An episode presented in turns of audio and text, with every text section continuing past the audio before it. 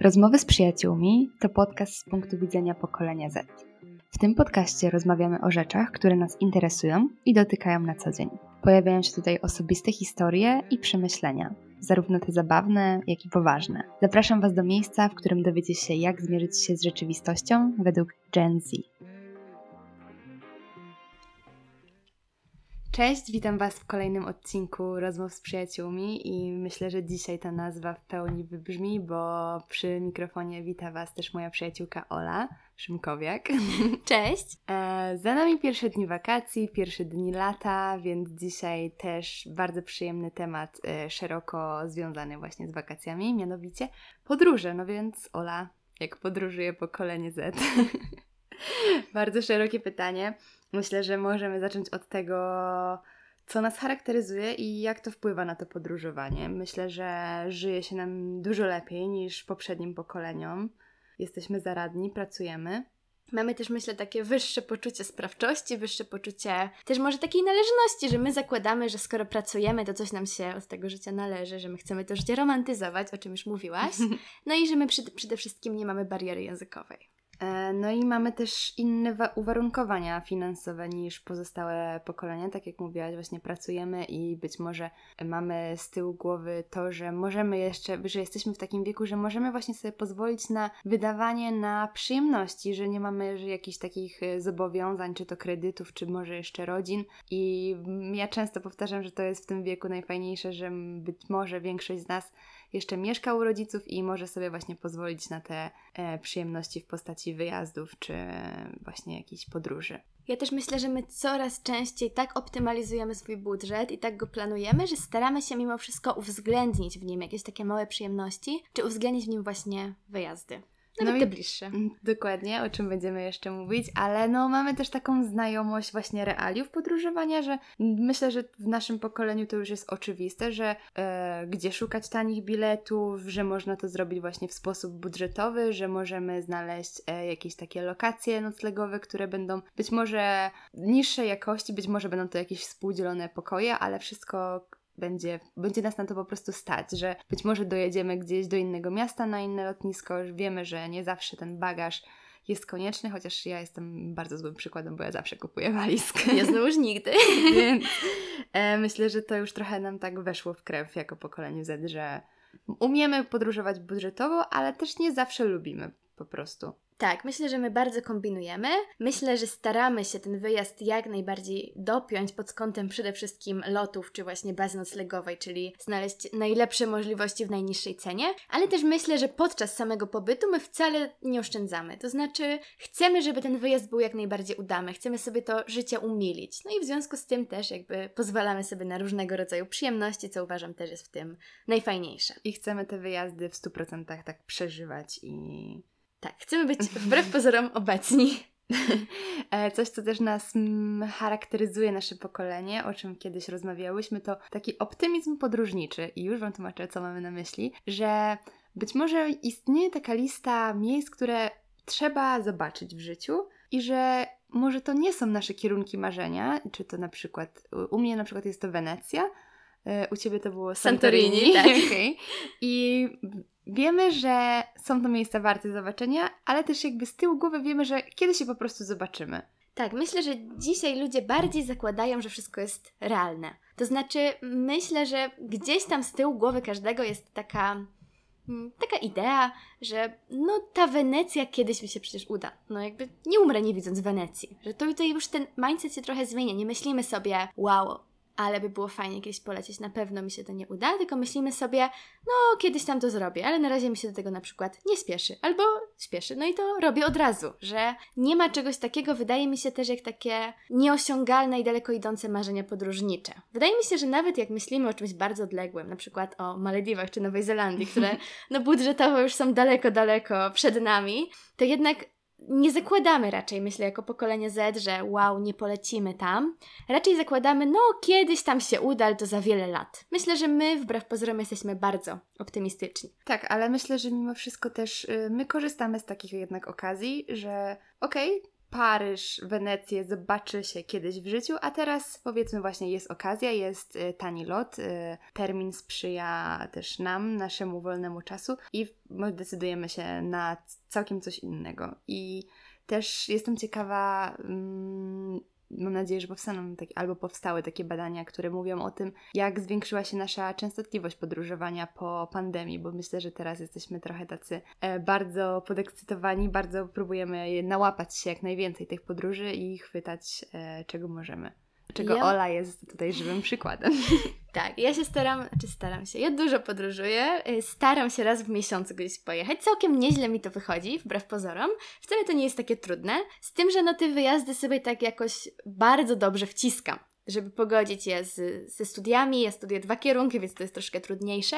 I żeby pogodzić je z jakąś tam pracą, z codziennością. Więc wydaje mi się też, że my, przez to, że wiemy, że te wyjazdy musimy jakoś tak optymalizować czy kondensować, to nie uderzamy od razu w te kierunki marzenia, czy nie odkładamy. Po prostu zakładamy, że chcę gdzieś pojechać, patrzę, gdzie teraz mogę. No bo każde miejsce jest fajne do zobaczenia, tak? Jeśli jesteśmy podróżnikami, no to de facto chcemy być wszędzie. Natomiast ja bym jeszcze poszła w jedną myśl, dlatego że ja już o tej, o tej Nowej Zelandii, o tych Malediwach powiedziałam, e, że coś jeszcze innego poza pandemią bardzo wpływa też na nasze chęci do podróży i myślę, że to jest kwestia ekologiczna. Ona jest właśnie widoczna w tych kierunkach przede wszystkim pozaeuropejskich, no zwłaszcza przy na przykład Malediwach, które mówi się, że toną, zwłaszcza przy y, Australii, przy Nowej Zelandii, które też jakby bardzo mocno są dotknięte przez katastrofę klimatyczną. I myślę, że my też z drugiej strony chcemy podróżować, bo wiemy, że już tego kiedyś możemy nie zobaczyć. Wiemy, że z jednej strony okej, okay, uda nam się, mamy ten optymizm, ale z drugiej zakładamy też, że tego miejsca na przykład może już nie być, albo że to miejsce może nie wyglądać tak jak teraz. Mm, a czy Twoim zdaniem pokolenie Z coraz częściej odchodzi od takiego schematu wygodnej e, podróży, być może z biurem podróży, e, właśnie na rzecz takiego sumiennego, dokładnego researchu i jednak wyjścia z tego swojego, takiej swojej e, strefy komfortu i podróży właśnie na własną rękę? Wiesz co, ja myślę, że dzisiaj to znaczenie strefy komfortu jest troszeczkę bardziej płynne i troszeczkę bardziej przesunięte, dlatego że my już przez to, co powiedziałyśmy, przez y, nieposiadanie takiej bariery językowej, czy taką jakby takie poczucie, że właściwie no poradzimy sobie, takie poczucie podwyższonej sprawczości, y, nie mamy czegoś takiego moim zdaniem w podróżach, jak taka wyraźna y, strefa komfortu. My raczej po prostu zakładamy, że te podróże są takie naturalne, że to naturalne, że pojedziemy i będziemy rozmawiać po angielsku, tak? No od dziecka nas tego angielskiego uczono. Natomiast wydaje mi się, że ważnym jest, żeby przy biurach podróży powiedzieć, że to wcale, może nie nazwałabym tego nawet biurem podróży. Ja wiem, że to jest bardzo niepopularna czym, opinia. Czy my jako Gen Z demonizujemy trochę te biura podróży? Ja myślę, że tak. Ja myślę, że my nienawidzimy biur podróży. Czytajcie Ola. tak, ja się przyznam otwarcie, że jestem wielką przeciwniczką. Natomiast ja oczywiście nie mam nic do, e, do osób, które myślą sobie, że okej, okay, chcę pojechać na wakacje, na których odpocznę, no i pojechać właśnie z takim biurem z wycieczką zorganizowaną. Dlatego, że myślę, że jeśli ktoś bardzo dużo pracuje, jeśli ktoś nie ma przestrzeni na planowanie takiego wyjazdu, jeśli ktoś na przykład ma tą barierę językową, no to myślę, że to jest dobry pomysł, jeśli ten wyjazd ma spełniać zasady odpoczynku, żeby tak po prostu pojechać. Natomiast ja nie nazwałabym tego biurem podróżniczym, tylko biurem turystycznym. Dlatego, że to nie są moim zdaniem podróże. Podróże są skupione przede wszystkim na odkrywaniu, na nauce czegoś, na jakby korzystaniu z tego, co się ma, na takiej dociekliwości. I myślę jednak, że przy siedzeniu na, przy basenie, no tej dociekliwości nie ma, więc ja bym tego podróżą na pewno nie nazwała. Jest to jakaś forma odpoczynku, okej, okay, jakby myślę, że osoby, które jadą na takie wakacje, liczą się z tym, jakie są plusy i minusy, jednak myślę, że ważne, żeby to rozdzielić z tymi podróżami. Mm, właśnie dobrze, że wyróżniłaś, że są dwa pojęcia i turystyka i podróżowanie i jestem ciekawa, jak uważasz, czy my jako pokolenie Z jesteśmy otwarci na podróżowanie, na to takie eksplorowanie, być może też szukanie po omacku, bo też na tym trochę polega to podróżowanie. Czy jednak my uprawiamy turystykę, ale trochę w inny sposób, że i tak zapisujemy sobie całą listę miejsc do zwiedzenia, zapisujemy sobie wszystkie warte rekomendacje dotyczące e, kawiarni, restauracji i nie pójdziemy tak w ciemno, bo boimy się rozczarowania po prostu. Wydaje mi się, że tutaj odpowiedź jest e, bardzo, e, bardzo trudna do określenia jednoznacznie, e, dlatego że myślę, że robimy i to, i to. W takim znaczeniu, że Myślę, że pokolenie Z to jest jednak pokolenie podróżników, czyli my chcemy eksplorować, my chcemy szukać, my chcemy się rozglądać, my chcemy pójść na prawo most, na lewo most, tak? Tutaj, tutaj jacyś fajni starsi Włosi w jakiejś uliczce, a tutaj jakiś ładny budyneczek, tutaj stary kościółek, no wszędzie wejdziemy, wszędzie zerkniemy. Myślę, że odchodzimy od y, stricte przewodników turystycznych, które mówią okej, okay, ja też się będę posługiwać przykładem Rzymu. Okej, okay, z Panteonu pójść do y, fontanny di Trevi, a stamtąd już prosto na Forum Romanum aż do Koloseum. Myślę, że my raczej tak nie podróżujemy, że my skręcamy, y, że my szukamy własnych ścieżek. I tutaj kończy się nasze podróżowanie, dlatego że myślę, że przede wszystkim przy wyborze miejscówek gastronomicznych oczywiście najbardziej, raczej skupiamy się na turystyce. Co to znaczy? My wyszukujemy te miejsca najczęściej na Instagramie, no bo wiadomo, na Instagramie jest zawsze najpiękniej. I patrzymy na to, co jest popularne i my chcemy te miejsca sprawdzić. Nie powiedziałabym, że to jest tak, że my idziemy do tych miejsc i myślimy sobie, okej, okay, jakaś tam Iksińska tu była, to ja też muszę tu przyjść, no bo nie będę gorsza. Jeden. Dwa, muszę pokazać wszystkim moim znajomym, że tu jestem. Myślę, że nie działa to na tej zasadzie. Jestem tego pewna właściwie.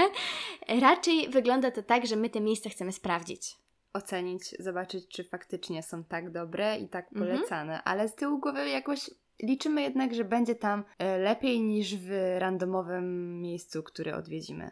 Tak, i właśnie wydaje mi się to takie ciekawe, bo e, z jednej strony my chcemy tej lokalności, chcemy tego na prawo most, na lewo most, ale z drugiej strony mamy w sobie coś takiego, że myślimy sobie, jadę do Rzymu, chcę zjeść lokalnie, chcę samych Włochów przy stolikach, chcę włoskich kucharzy, idę do Tonarello. I czekamy te półtorej godzinki. Półtorej godzinki. Słuchaj, tam, tam są lepsze dropy po prostu niż do jakiejkolwiek polskiej marki, naprawdę. Tam jak puszczają w sezonie miejsce na rezerwację stolików, to one się w 5 minut rozchodzą. E, no ja byłam przy tej restauracji i zdecydowałam się na coś obok, gdzie nie było kolejki. Tak, kolejki są naprawdę... Ludzie tylko mówią na Instagramie, że szybko idą, ale kolejki są zatrważające. No zresztą nie tylko tam, tak? Są takie typowe miejsca właśnie, no i w Rzymie i w innych e, miastach, które są gdzieś tam w tym takim mainstreamie miejscówek do zobaczenia. I tutaj właśnie ważnym jest, żeby powiedzieć, że z jednej strony my tam idziemy i poniekąd się zakłamujemy, tak bym No właśnie chciałam się zapytać, czy my się nie oszukujemy jako pokolenie Z, szukając tej lokalności i idąc jednak do tej miejscówki, która jest polecana przez wszystkich na Instagramie i pewnie wszyscy dookoła przyszli z tego samego powodu co my, a lokalsów y, szukać jak w stogu siana. Ja myślę, że i tak, i nie. Dlatego, że myślę, że z jednej strony faktycznie się okłamujemy troszeczkę i jakby myślimy sobie, że okej, okay, będzie lokalnie, no bo jak może nie być, przecież jesteśmy za granicą w jakimś, no w jakimś super miejscu, no przecież w Warszawie jak się pójdzie do popularnej na Instagramie miejscówki, to jest wszystko super, więc tam na Jestem pewno świeżo też. po weekendzie w Warszawie, wiem o czym mówisz. o kolejce do bacon. Dokładnie. na przykład. E, ale z drugiej strony myślę, że my też idziemy do tych miejsc troszeczkę świadomie. W takim znaczeniu, że my je chcemy trochę sprawdzić, o czym też już powiedziałam. Tak? Czyli ja miałam taki swój Rubikon w tym temacie, kiedy właśnie pojechałam już za drugim razem do Rzymu, no i pomyślałam sobie, okej, okay, tym razem to Tonarello już na pewno musi zostać odhaczone. No po prostu zrobię wszystko, żeby ten stolik zdobyć. To był naprawdę niski sezon, to było w styczniu. Udało mi się zarezerwować nawet stolik, no i przyszłyśmy, ja po prostu myślałam cały dzień, cały dzień. Ja chyba miesiąc, bo miesiąc wcześniej to rezerwowałam, miesiąc chyba myślałam o tym, jak zjem tamtą kolację. Hmm. E, nie pamiętam, kiedy się ostatnio tak bardzo zawiodłam jak na Tonarello. Szczerze powiedziawszy, tam nic nie było z włoskości, nic z lokalności, no i nie spotkałam żadnego Włocha przy żadnym stoliku. Włocha, nie Włoszki oczywiście, tak? Mówimy raczej o takich starszych nonach na przykład. O, to, to, to, dla nas znaczą Włosi i Włoszki przede wszystkim. E, więc tutaj myślę, że później się przekracza właśnie taki Rubikon, kiedy już człowiek sobie zdaje sprawę, że to nie jest lokalne, i chodzi tam nie w znaczeniu wszyscy tu są, muszę tu być, tylko w znaczeniu muszę zobaczyć, co to miejsce ma sobą do zaoferowania, skoro na przykład ma taki ładny design, skoro jest tak popularne, skoro na przykład bije te rekordy w tych blogach, tak? Wszystkich. E, z badań z 2017 roku, z analizy Xperia Group Media Solutions, e, właśnie wynika, że 84% osób z generacji Z uważa, że social media odgrywają istotną rolę właśnie w planowaniu podróży i poszukujemy tam promocji, a czasem, a najczęściej właśnie czerpiemy inspirację do naszych podróży, oglądając właśnie zdjęcia i filmy, czy to naszych znajomych, czy przyjaciół, czy właśnie ekspertów, pewnie na różnych blogach i czytając różne recenzje i przewodniki. No ale właśnie, czy pokolenie Z według nas e, podróżuje według tych trendów instagramowych i tiktokowych. Ja myślę, że i tak i nie. Dlatego, że z jednej strony to jest bardzo zależne od tego, co się każdemu wyświetla na tym Instagramie. No, w jakiej bańce żyje. Istotne, w jakiej bańce żyje, dokładnie. Tej na Instagramie też. I y, też ważnym jest, żeby powiedzieć, że to wszystko jest bardzo subiektywne, o czym my tutaj dzisiaj mówimy, dlatego że jest oparte jakby na naszych doświadczeniach podróżniczych, nasze, nasze doświadczenia podróżnicze też są jakby w konkretnej estetyce zatopione i my też konkretne profile na tym Instagramie oglądamy. Czyli kiedy na przykład chcemy zobaczyć zdjęcia i filmiki takich prawdziwych non, czyli takich Włochów we Włoszech, no to szukamy sobie takich profili, tak? Na przykład Italy Segreta, Italy Explorer albo na przykład Vitalenta i wpadamy w tą estetykę. No ale kiedy już się dużo tych Włoch klika na tym Instagramie, no to pojawiają się też inne rolki. Pojawiają się na przykład takie rolki, e, skąd w stylu mm, travel to Italii i tak dalej, i tak dalej. Jest masa takich profili w stylu jak spędzić perfekcyjne 8 dni we Włoszech, jak spędzić perfekcyjne 10 dni we Włoszech. No i na czym to polega? Polega na tym. Pierwszy dzień Mediolan, drugi dzień Jezioro Como, trzeci Verona, czwarty Wenecja, piąty Florencja, szósty może Siena, ewentualnie, jeżeli ktoś będzie chciał się zatrzymać. Yy, siódmy Rzym, ósmy Neapol, dziewiąty Wybrzeże Amalfi. Na przykład. I proszę bardzo, całe Włochy zwiedzone. Całe Włochy zwiedzone, dokładnie. Całe 8 dni. Myślę, że pokolenie Z bardzo się odcina podróżniczo od tego typu pomysłów i myślę, że wbrew pozorom jesteśmy z tym kojarzeni. No, Jesteśmy, no bo my te To my rolki tworzymy, tworzymy, tak? dokładnie. Więc myślę, że pokoleniom starszym od nas wydaje się, że no oni tak właśnie podróżują. Nie, to nie jest prawda. My tak nie podróżujemy, zdecydowanie. My stawiamy na lokalność. Lokalność jest bardzo ważna. My stawiamy na jakieś takie ulotne wrażenia, takie miłostki, czułości, właśnie romantyzowanie tego życia. Być może pojedziemy do Włoch, pojedziemy do Mediolanu, połączymy to z wypadem nad Jezioro Como, ale na tym się po prostu zatrzymamy, Tak. bo chcemy poczerpać i trochę z tego życia mediolańskiego, chociaż my tutaj jesteśmy trochę sceptyczne do Mediolanu. No i zatrzymamy się na trochę nad Jeziorem Como. O, i zwiedzimy Bergamo, które jest mniejsze i, Bardzo interesujące, i tak. klimatyczne. I zatrzymamy się na tym, nie będziemy pędzić do Rzymu zaraz, tego samego wyjazdu. Tak, i to jest bardzo ważne, że my właśnie wbrew pozorom, wbrew temu, że się wydaje, że cały czas y, śledzimy te konta podróżnicze na Instagramie czy na TikToku, że cały czas włączamy relacje, że cały czas y, nagrywamy coś, robimy zdjęcia, wbrew pozorom my wcale nie odhaczamy tych miejsc. To jest, y, myślę, bardzo istotne do powiedzenia. I nawet kiedy jedziemy na dłużej, nawet kiedy robimy objazdówkę, to nie wpadamy na pomysł, zróbmy objazdówkę po całym kraju, czy tak jak Amerykanie myślą sobie, ja na dwa tygodnie do Europy zwiedzę pół Europy. Mhm. Tak, tym razem będzie, będą Włochy, Francja, Hiszpania i Portugalia. To wszystko w 14 dni. My nie mamy takich pomysłów, Europejczycy, no mamy wszystko blisko, tak? To też jest w ogóle dar, że my Tak, lecąc gdzieś do Europy. prawda? Przywilej, dokładnie. No, do Rzymu na przykład lecicie w dwie godziny. Ja pamiętam, jak z moją przyjaciółką poleciałyśmy dosłownie na dwa dni, bo po prostu chciałyśmy tak się wyrwać, już obie byłyśmy w Rzymie, widziałyśmy te wszystkie znane turystyczne miejsca.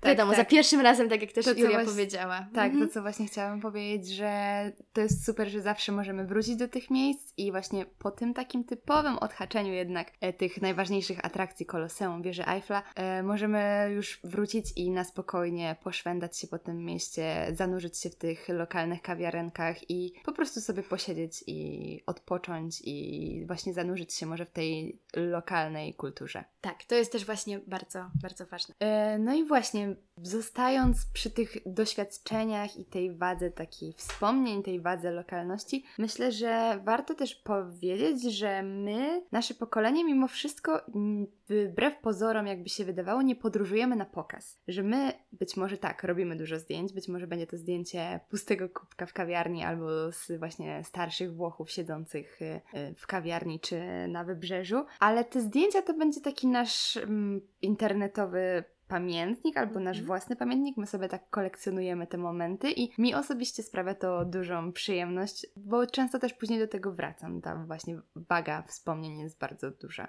Ja myślę, że tak przynajmniej raz w tygodniu oglądam sobie wszystkie swoje zdjęcia i filmiki. jakie Wyróżnione zrobiłam. relacje na Relacje Instagramie. na Instagramie też, tak, zdecydowanie. Wydaje mi się, że nawet częściej oglądam swoje relacje niż cudze relacje, bo po prostu tak bardzo lubię wracać wspomnieniami do tych miejsc, które widziałam. One mi się kojarzą z tymi dobrymi momentami. Natomiast co jest tutaj ważne? Myślę, że my robimy te zdjęcia i filmiki przede wszystkim dla siebie i myślę, że kiedy już je wstawiamy na tego Instagrama, to robimy to albo dlatego, że chcemy je jakby tak zachować tak? W tej próżni internetowej. W takim jednym miejscu, w którym mamy coś właśnie w jednej estetyce, albo no po prostu... W takim naszym pamiętniku po prostu, Mhm. tak. A druga rzecz, wydaje mi się, że chcemy się podzielić tymi miejscami z naszymi bliskimi osobami, z naszymi przyjaciółmi, z naszymi znajomymi. I tu wracamy do tego tematu inspiracji, który Tak. pojawił się na Mhm. początku. Tak, i on, my nie dzielimy się tym, dlatego że chcemy, żeby nasz jakiś dawny znajomy pomyślał sobie, tej to się powodzi, ale jej jest dobrze, ja też bym tak chciał, chciała. Nie, nie. My sobie tak, my to, my to robimy, dlatego żeby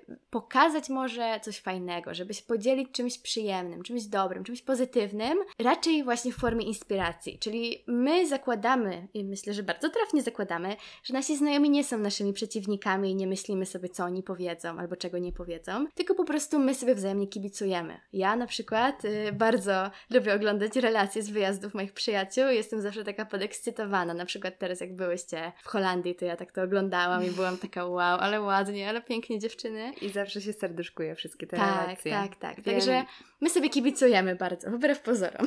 Tak, i mimo wszystko właśnie wydaje mi się, że w przeciwieństwie do pozostałych pokoleń, my nie będziemy robić sobie zdjęcia, gdzie my, jako my będziemy na pierwszym miejscu, żeby było właśnie jasne i żeby wszyscy mogli zobaczyć, że myśmy byli pod tym koloseum, albo że wydaliśmy jakiś majątek na podróż do Azji czy do Nowej Zelandii i żeby pokazać się, jakiś zyskać ten status społeczny, bo u nas to podróżowanie stało się na tyle takie szerokie i takie normalne, że my też nie zazdrościmy. Oglądając czyjąś, czyjeś materiały, nie czujemy jakiegoś wewnętrznego poczucia frustracji czy złości, tylko właśnie tak jak mówisz, kibicujemy sobie. Ale no właśnie to FOMO, czy ono istnieje, jak oglądamy te podróże innych na Instagramie, czy właśnie się jednak tylko inspirujemy i cieszymy? Wiesz co, ja tutaj się trochę zbuntuję Twojemu pytaniu i jeszcze odniosę się do jednej rzeczy, którą powiedziałaś, odnośnie tego, czy my stoimy na zdjęciach. Bo myślę sobie też, że to jest ważne do powiedzenia, że na przykład poprzednie pokolenia no robiły sobie te zdjęcia przy tym koloseum. Robiły sobie te słynne zdjęcia, że trzymają krzywą wieżę w Pizie. Jeśli pojadę do Pizy, to też zrobię takie ja zdjęcie. mam takie zdjęcie, co więc- więcej, byłam teraz drugi raz w Toskanii z rodzicami i obowiązkowo powiedziałam, że muszą się oboje w takich kapelusikach włoskich ustawić do tego zdjęcia z wieżą.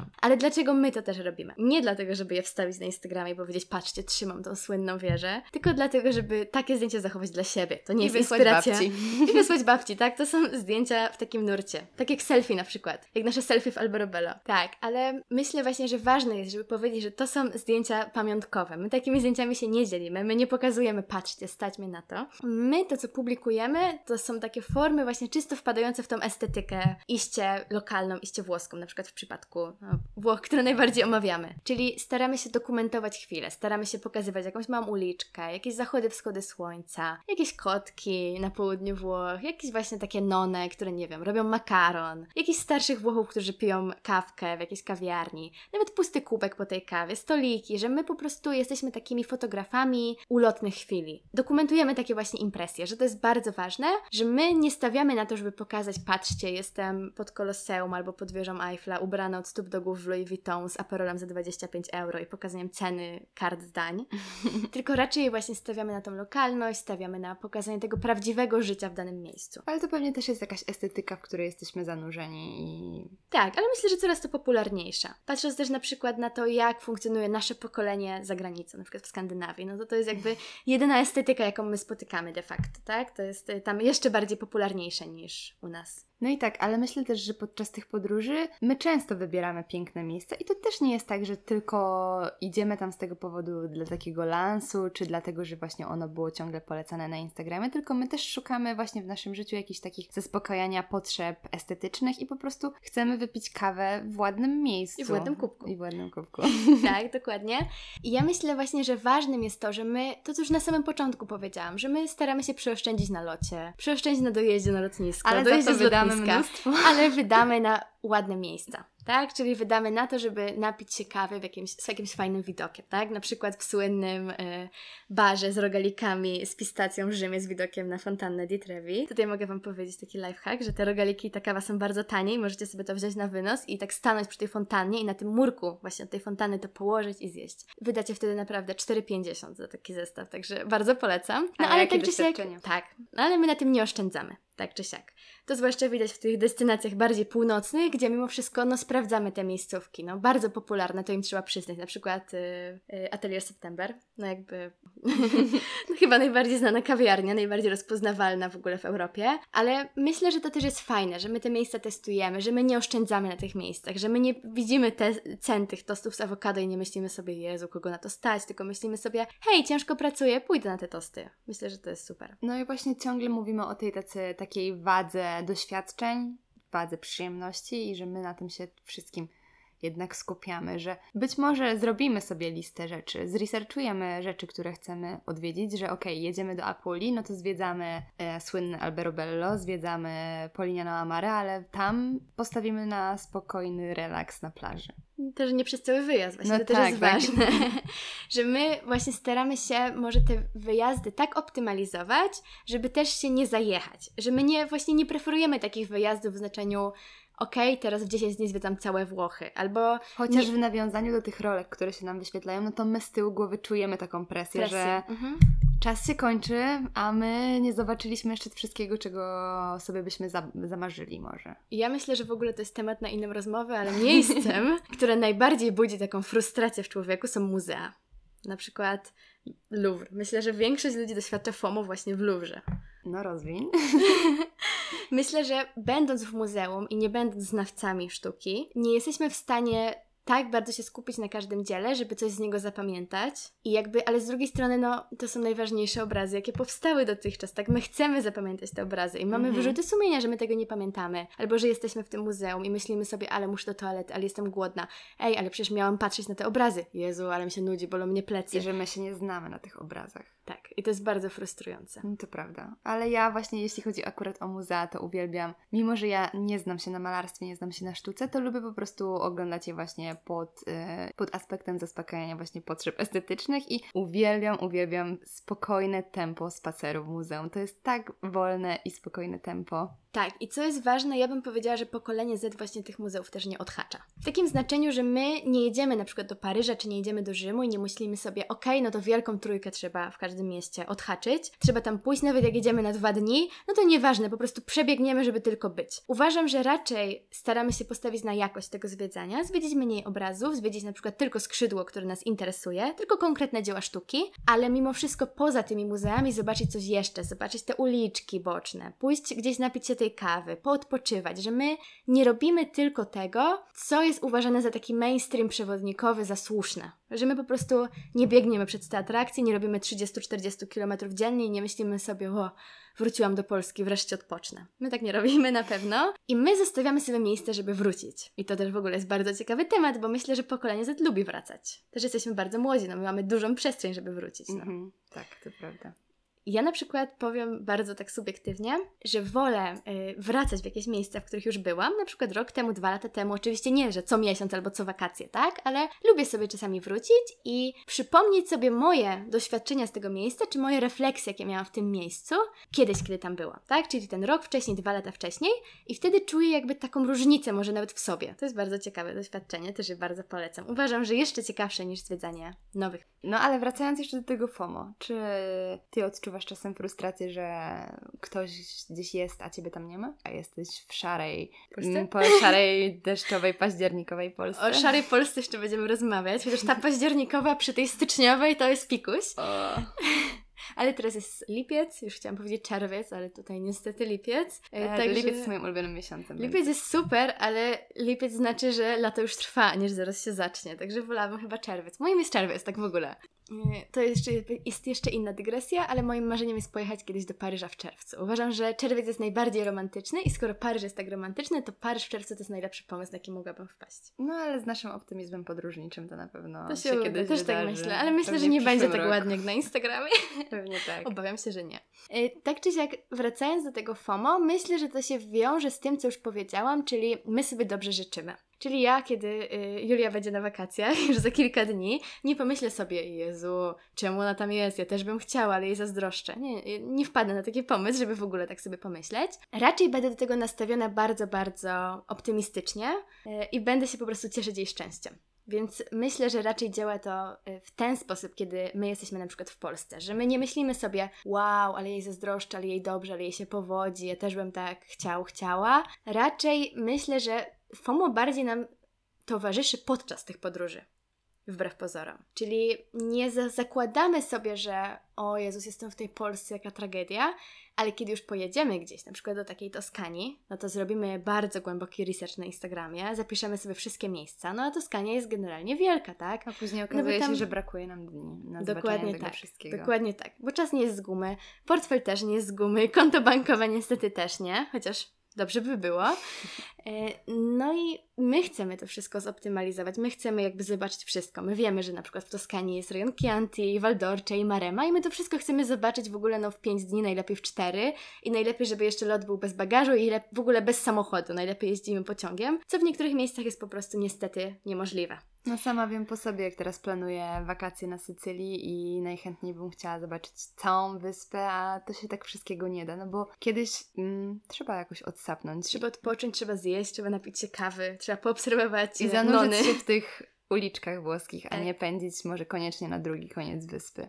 Tak, tak, że to jest właśnie ważne, że przez to, że my nie odhaczamy, że my nie chcemy odhaczać, że my nie chcemy pojechać na jeden dzień do Rzymu i być jak, okej, okay, zacznę od Watykanu, no bo najlepszy dojazd z lotniska i po prostu będę iść do początku, tak? Czyli później sobie tam zobaczę fontannę, zobaczę Panteon, zobaczę y, właśnie Forum Romanum, Koloseum, no i wrócę. Że nie chcemy raczej uskuteczniać takiej metody. Raczej jak jedziemy gdzieś na krótko, to staramy się po prostu błądzić tymi uliczkami. Korzystać z tego takiego typowego życia danego miejsca. Nie, na pewno nie zaliczać tych punktów turystycznych, no bo po prostu nie mamy na to jakiejś takiej przestrzeni. Natomiast myślę właśnie, że wtedy powstaje nam FOMO.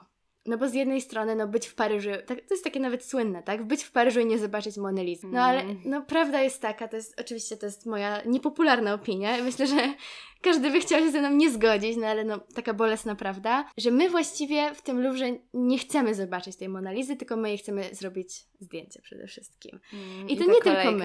Tak, to ja myślę, że to nie chodzi o to, że to jest nasze pokolenie. Myślę, że i pokolenie od nas starsze, i nawet pokolenie naszych rodziców, i naszych babci nawet, nie pomyślałoby sobie, wow, jaka kreska. Oni po prostu zrobiliby zdjęcie. Myślę, że to jakby nie jest cecha naszego pokolenia, naszego nawet może mniej. Myślę, że mniejszy procent Ale pokolenia myślę, że my po prostu tacy jesteśmy, bo tak, ja mam zdjęcie Monalizy. W... Ja nie byłam jeszcze w Louvre. Ja mam zdjęcie w swojej galerii, więc uh, guilty. Tak, myślę właśnie, że myślę właśnie, że to jest typowe dla ludzi dzisiaj, że to nie zależy od pokolenia. Po prostu każdy chce mieć jakąś pamiątkę z tej podróży i ona jest tak znana, tak? Natomiast myślę, że pokolenie Z już odchodzi od tego takiego szablonu. Jak możesz nie zobaczyć Monelizy będąc w Paryżu, bo ktoś na przykład pojechał na dwa dni. I wydaje mi się, że fajne jest właśnie to, że stawiamy na taką lokalność, że nie myślimy sobie, wow, muszę sobie tam pójść tylko po to, żeby zrobić zdjęcia tego obrazu, no bo wiemy, że tak to się kończy. Myślę, że Dzisiaj inaczej do tego podchodzimy. No i jak już jesteśmy w tym Paryżu na te dwa dni, to myślimy sobie, no kurde, ale ten Louvre tak po drodze, a może jednak, a może jednak, a, a może postoję w tej kolerce. Tak, tak, to też jest ważne. No. Znaczy on w ogóle jest za darmo do 20 chyba 6 roku tak, tak, dla tak. wszystkich. Tak. Właśnie to jest fajne, za granicą nie sprawdzają legitymacji, więc jak nie studujecie albo już nie studujecie, to i tak możecie iść tak, i tak to was puszczą. myślowy. Tylko dowody sprawdzają, to jest, to jest ważne. Tak czy siak właśnie z drugiej strony jesteśmy pod tym Louvrem, myślimy sobie, no ta kolejka taka długa, ale może jednak szybko pójdzie, może zobaczę, żeby tak zo- zobaczyć, dokładnie, tak. rzeczy. I wydaje mi się właśnie, że to tworzy takie największe FOMO, czyli my jesteśmy aż przesyceni tymi miejscówkami, my nie mamy tego jak w latach, nie wiem, dwutysięcznych, yy, trzech podróżników na krzyż i nie mamy jakiejś małej ilości miejsc, tylko my tych miejsc po prostu mamy nieskończoną ilość poprzez mapy Google czy Instagram my chcemy zobaczyć wszystkie w dwa dni. I być poniekąd. może to jest nasz taki największy konflikt w tych podróżach, mhm. że z jednej strony no, chcemy się zagłębić, chcemy doświadczyć, chcemy się zatrzymać, ale z drugiej strony gdzieś właśnie dzwoni nam tam z tyłu głowy właśnie, że i czujemy, że kurczę, że jeszcze jest to do zobaczenia, jeszcze to, jeszcze to. Tak, i myślę, że to nawet nie tylko dotyczy miejsc e, do zwiedzenia, czyli zabytków, ale myślę, że to też dotyczy nawet e, restauracji. Na mhm. przykład ja, będąc we Florencji teraz na bardzo krótki weekend, jednego dnia zjadłam makaron aż dwa razy, bo wiedziałam, że zaraz wyjeżdżam i chciałam i na lunch i na kolację zjeść sobie makaron w swoich ulubionych restauracjach. Oj, to ja w Warszawie, przy warszawskiej gastronomii. Tak, tak. w Warszawie to jest tak, że idzie się na trzy kawy dziennie, śniadanie, drugie śniadanie, obiad i kolację i na każdy posiłek, a czasami idzie się do jakiegoś miejsca, że na przykład tu tylko zjem, a tu tylko wypiję, tylko żeby posiedzieć w tym wnętrzu. No, czyli czysty bankrut. No ale nawiązując także do, tej lokalności, no i do tego FOMO, czy podróże w Polsce mogą być równie wartościowe co te za granicą? Bo patrząc po mnie, e, mimo że ja wiem, że Polska może zaoferować e, ciekawe miejsca, piękne miejsca, piękne noclegi, piękne agroturystyki, o których zaraz pewnie będziemy rozmawiały, to jednak mam gdzieś tak właśnie wewnętrznie, wewnętrznie czuję, że okej, okay, ale za granicą to na pewno będzie lepiej i jeśli wakacje, to koniecznie właśnie za granicą. Myślę, że już też trochę wyrosłam z tego mitu, bo zawsze chciałam jeździć jak najbardziej za granicą. Wiedziałam, że zawsze za granicą będzie lepiej, że będzie jak najbardziej lazurowa woda, ciepło, e, no i najpiękniejsze miejsca, najpiękniejsze restauracje, wybrzeża. E, no i jakoś tak mi się wydaje, że może się z tego wyrasta, ale jestem ciekawa Twojego zdania. Czy my jako pokolenie zauważamy i umiemy docenić wartości, jakie nam oferuje Polska? Wiesz co, ja myślę, że tutaj jest kilka ważnych elementów, o których można e, powiedzieć. Ja na początku zrobię takie e, też subiektywne wprowadzenie o tym, że znowuż ja z tym mitem jakoś tak, ten mit może mnie otaczał, może tak, on, on mnie nigdy nie dotyczył, ja nigdy nie żyłam w takim micie zagranicy, to znaczy, że fajne wakacje to tylko gdzieś daleko od Polski, ale znam bardzo wiele osób, którym właśnie w dzieciństwie on e, towarzyszył, doskwierał, można nawet powiedzieć. Zawsze wyjeżdżało się do Chorwacji. Do Chorwacji, tak. W dzieciństwie wszyscy jechali do Chorwacji. To był taki aż kierunek, że niektórzy, załóż inni mówili właśnie, no, no to może my gdzieś indziej, tylko nie do tej Chorwacji, no bo cała Polska jeździ do Chorwacji. Mhm. Właśnie, było coś takiego. Natomiast wracając do tego mitu zagranicy, e, to ja jestem bardzo wdzięczna moim rodzicom. Dlatego, że moi rodzice właśnie wychowali mnie w tym duchu lokalności, czyli kiedy byłam bardzo mała, oni mi powiedzieli, dobra, no to my teraz musimy zacząć zwiedzać Wrocław. Później zwiedzaliśmy wszystko, co było na Dolnym Śląsku, co było koło nas. Później zaczęliśmy zwiedzać wszystko, co było w Polsce. Później zaczęliśmy zwiedzać bardziej Europę Środkową, no i później zaczęliśmy dopiero jeździć bardziej na zachód Europy, powiedzmy, czy do bardziej odległych miejsc w Europie. I myślę, że to było bardzo fajne, dlatego że no, ja w większości tych miejsc w Polsce fajnych, myślę, że we wszystkich już byłam. Tak samo w większości tych dużych miast, czy właśnie w jakichś małych miejscowościach, takich bardziej zabytkowych, turystycznych. I myślę, że to jest fajne, bo daje taki jakby punkt odniesienia, taki światopogląd. Czyli ja już jakby mogę się odnosić do tych wszystkich miejsc i mogę je przyrównywać z tymi miejscówkami zagranicznymi. No i co jest ważne, no tej różnicy często nie ma jakiejś wielkiej, tak? To znaczy, myślę, że my tej Polski nie doceniamy, bo po prostu w niej nie byliśmy. Czyli nam się to kojarzy, że o, co my to możemy mieć, tylko te spaliny i jakieś I ten w ogóle... deszczowy tak, Bałtyk. Deszczo... Tak, dokładnie, deszcz, no i te krupówki, no i wszędzie ta Biedronka i Lidl i te wszystkie piosenki z reklam, w ogóle te banery, imposty i te inne takie rzeczy i co najwyżej, co w Polsce jest ładne, to las. Mm, jestem ciekawa właśnie, czy do tej Polski zaczyna się dojrzewać, y, już mówiąc generaliz generalizując do pokolenia Z, czy my za zaczynamy dostrzegać tą wartość, kiedy właśnie dorastamy, czy być może zauważymy ją dopiero właśnie wraz z nabyciem takiego doświadczenia podróżniczego, że zwiedzimy już trochę Europy i dostrzeżemy, że w Polsce może faktycznie też jest coś w podobnym klimacie. Wydaje mi się, że to przychodzi z wiekiem i jeszcze niestety nie z naszym z wiekiem. Wydaje mi się, mhm. że gdybym miała tak doprecyzować, kto jeździ do takich mniejszych y, agroturystyk w Polsce, to raczej powiedziałabym, że to jest klasa średnia, czyli 30-latkowie, 30-kilkulatkowie z dużych miast. Chociaż myślę sobie teraz o Półwyspie Helskim, jak tak, nasze to jest bardzo cool pokolenie Z dostrzega tam e, potencjał i jak stało się to właściwie takim bardzo modnym miejscem. Tak, zwłaszcza na chałupy 6. Mm-hmm. Także są takie miejsca, oczywiście, nawet Warszawa. No w Warszawie jest dużo wspaniałych miejscówek, które się otwierają. Nawet Jeżyce w Poznaniu, o którym ostatnio rozmawiałyśmy, to mm. też myślę, że Myślę, że, że o Warszawie miejsce. mogłybyśmy zrobić całkowicie oddzielny odcinek. Myślę, że to jest bardzo dobry no. pomysł. tak, już chyba trzeci raz mówimy dzisiaj o tej Warszawie. Tak, tak. Natomiast co u mnie było takim Rubikonem, który wydaje mi się, że przez którego wydaje mi się, że trzeba przejść, e, to było znalezienie takiego portalu jak Slowhop. I niestety Slowhop nie sponsoruje tego odcinka, chociaż bardzo byśmy chciały. Tak, bardzo byśmy chciały się wybrać do jakiejś agroturystyki. Już to mówię chyba od roku właśnie Julce, że musimy, musimy pojechać. Chociaż Ola jest świeżo po weekendzie. Tak, tak. Dwa dni temu wróciłam, było fantastycznie. E, natomiast ja to miejsce znalazłam dwa lata temu I to też nie było tak, że mi to przyszło łatwo. Ja bardzo długo szukałam. Chcieliśmy gdzieś pojechać z chłopakiem na rocznicę, bo my mamy taki swój zwyczaj, że my nie robimy sobie takich materialnych prezentów, tylko raczej staramy się gdzieś pojechać. Uważam, że to jest super, bo spędzamy razem czas. No i na rocznicę też właśnie lubimy sobie pojechać na weekend do Polski i szukaliśmy takiego miejsca. To była pierwsza rocznica, dlatego właśnie znalazłam y, ten Slow Hop i okazało się, że to jest super baza noclegowa, coś takiego jak Booking, ale Booking bardzo slow, Booking bardzo kameralny, bardzo lokalny, z agroturystykami w Polsce i nie tylko, bardzo nieszablonowymi, bardzo niezwykłymi, no które są po prostu piękne, naprawdę są piękne. I teraz ważnym jest, żeby doprecyzować, bo ja myślę, że jak się słyszy agroturystyka, ja na przykład jak kiedyś usłyszałam agroturystyka i jak też e, opowiadałam o tym moim rodzicom te dwa lata temu, no to jeszcze byłam przed wycieczką do Toskanii czy do innych takich małych miejsc, gdzie faktycznie, no we Włoszech na przykład agroturystyki są bardzo popularne. Tylko tak się pra praktycznie podróżuje do tych bardziej takich e, regionalnych e, miejsc. Na czy, uboczu, tak. Czy takich bardziej na uboczu, tak. Natomiast e, w Polsce mi się to kojarzyło z rolnikiem szuka żony i, i z tym, że no w każdej agroturystyce jest jakiś stary dom, pająki, jajecznica na maśle z szynką i ciągnik. Na smalcu. Tak, o, tak że to jest ten klimat. No okazuje się, słuchajcie, że to wcale nie jest ten klimat, to są po prostu hotele butikowe na wsi. I to jest naprawdę, naprawdę niesamowite. Są miejsca tak naprawdę dla każdego. Są miejsca i przy morzu z bezpośrednim dostępem do plaży, i miejsca z bezpośrednim dostępem do jeziora, nawet z prywatnym jeziorem, słuchajcie. Są miejsca z widokiem na Tatry, są miejsca takie, że wyjdziecie od razu z agroturystyki i już macie szlak. Ja ostatnio w takim byłam, to było super. Ja oglądam te wszystkie relacje Oli, one są naprawdę piękne, one są wypakowane designem, właśnie tą lokalnością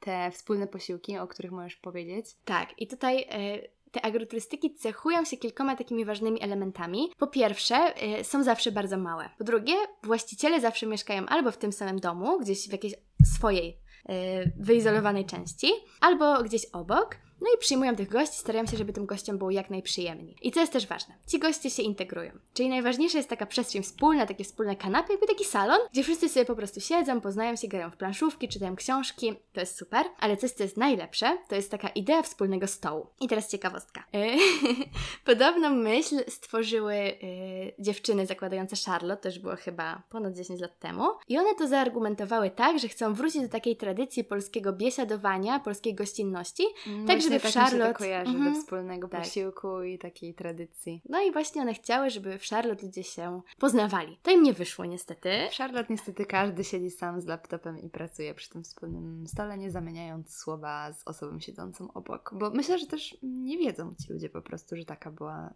tak, założenie. Tak myślę. No. Natomiast na slowhopie to wyszło. Na slowhopie to wyszło w takim znaczeniu, że ten wspólny stół naprawdę jednoczy. Czyli ci goście siadają i ta rozmowa klei się na takiej zasadzie troszeczkę, że oni są z podobnej bańki co ty. Myślę, że to też jest kluczowe, że jeżeli znajduje się takie miejsce i myśli sobie, wow, to jest coś dla mnie, to jest wbrew pozorom mało osób jeszcze niestety w Polsce, które stwierdzą, no i to też jest myślę, dla mnie. że w mniejszości w pokoleniu Z jednak, tak, bo to też jest tak. już inna półka cenowa i no trzeba wiedzieć, jakimi wartościami się kieruje ktoś i być może właśnie wiedzieć, że trzeba za coś zapłacić więcej w imię właśnie tej lokalności, tej jakości. Tak, myślę, że trzeba być bardziej takim świadomym podróżnikiem i myślę, że właśnie trzeba się liczyć też z tą ceną. Ja bym powiedziała, że weekend y, w jakiejś agroturystyce w Polsce może być droższy niż weekend na przykład we Włoszech, a i w dodatku mniej przystępny, bo jak się nie ma auta na własność, to łatwiej jest pojechać na lotnisko. I tu się też nasuwa pytanie, czy my jako nasze pokolenie umiemy siedzieć na miejscu i nic nie robić. Zwłaszcza, że no niektóre, jak już ten problem auta może mogłybyśmy trochę tak przymknąć do niego oko, dlatego, że są takie miejsca, y, do których, y, w których właściciel mówi, że może odebrać gości, na przykład z przystanku autobusowego czy ze stacji PKP. I teraz właśnie nasuwa się pytanie, czy my byśmy przez cały pobyt chcieli siedzieć w tym jednym domu. Czy mm. dla nas ta, ten brak mobilności nie jest przypadkiem problemem? Czy my nie wolimy pojechać do dużego miasta i nie pojeździć sobie gdzieś pociągami, jeśli nie jesteśmy zmotoryzowani? Myślę, że to też jest właśnie istotne pokoleniowo. Wracając jeszcze do tego, y, dlaczego my tą Polskę odczarowujemy, czy próbujemy odczarować, powiedziałabym, że takim znaczącym punktem była pandemia. Dlatego, że nie mogliśmy nigdzie wyjechać za granicę, tak? Czy w momencie, kiedy obowiązywały tylko testy, czy w momencie, kiedy granice były w ogóle zamknięte, czy w momencie, kiedy już można było się szczepić, ale i tak był taki trochę strach, a co jeśli zachoruje, a co jeśli coś wyjdzie przy tej kontroli. Myślę, że to było takie znaczące, dlatego że my na 2-3 lata musieliśmy zostać na te wakacje w Polsce. No i kiedyś ta Polska kojarzyła nam się z takimi miejscami bardzo budżetowymi, takimi miejscami, gdzie, no, które były dobrym substytutem zagranicy, w znaczeniu pojedziemy gdzieś, będzie bliżej, będzie taniej, będzie w porządku. Podczas pandemii nie mieliśmy mieliśmy wyjścia, więc zaczęliśmy eksplorować. No i wtedy się okazało, że istnieją takie perełki. No a w związku z tym, że istniały, zaczęły się robić coraz to bardziej popularne i zaczęły się cieszyć większą, większym zainteresowaniem. I też myślę takim docenieniem, tak? No w Polsce jest pięknie, ja osobiście uwielbiam Polskę. Myślę, że Polska ma naprawdę bardzo wiele do zaoferowania, ale myślę właśnie, że to pandemia troszeczkę ją odczarowała. Jednak wydaje mi się, że pokolenie Z jeszcze nie jest tego tak do końca świadome. W sensie Mm. wydaje mi się, że jednak jestem w mniejszości. Ja przynajmniej jak jeżdżę do tych agroturystyk, Tak no to nie. Spotykam niestety gości w moim wieku. No i chyba tego moglibyśmy sobie życzyć, żebyśmy jeszcze bardziej właśnie zagłębili się w tą lokalność, e, zagłębili się w Polskę i no, podróżowali jak najbardziej świadomie i, Na własnych zasadach. i na własnych zasadach, znając e, swoje potrzeby, swoje upodobania, a nie tak jak dyktuje nam to jakaś rolka na Instagramie. Bardzo Ci dziękuję, Ola. Ja też dziękuję. I mam nadzieję, że do usłyszenia jeszcze w podcaście o Warszawie. Cześć. No, do usłyszenia w następnych rozmowach z przyjaciółmi. Cześć!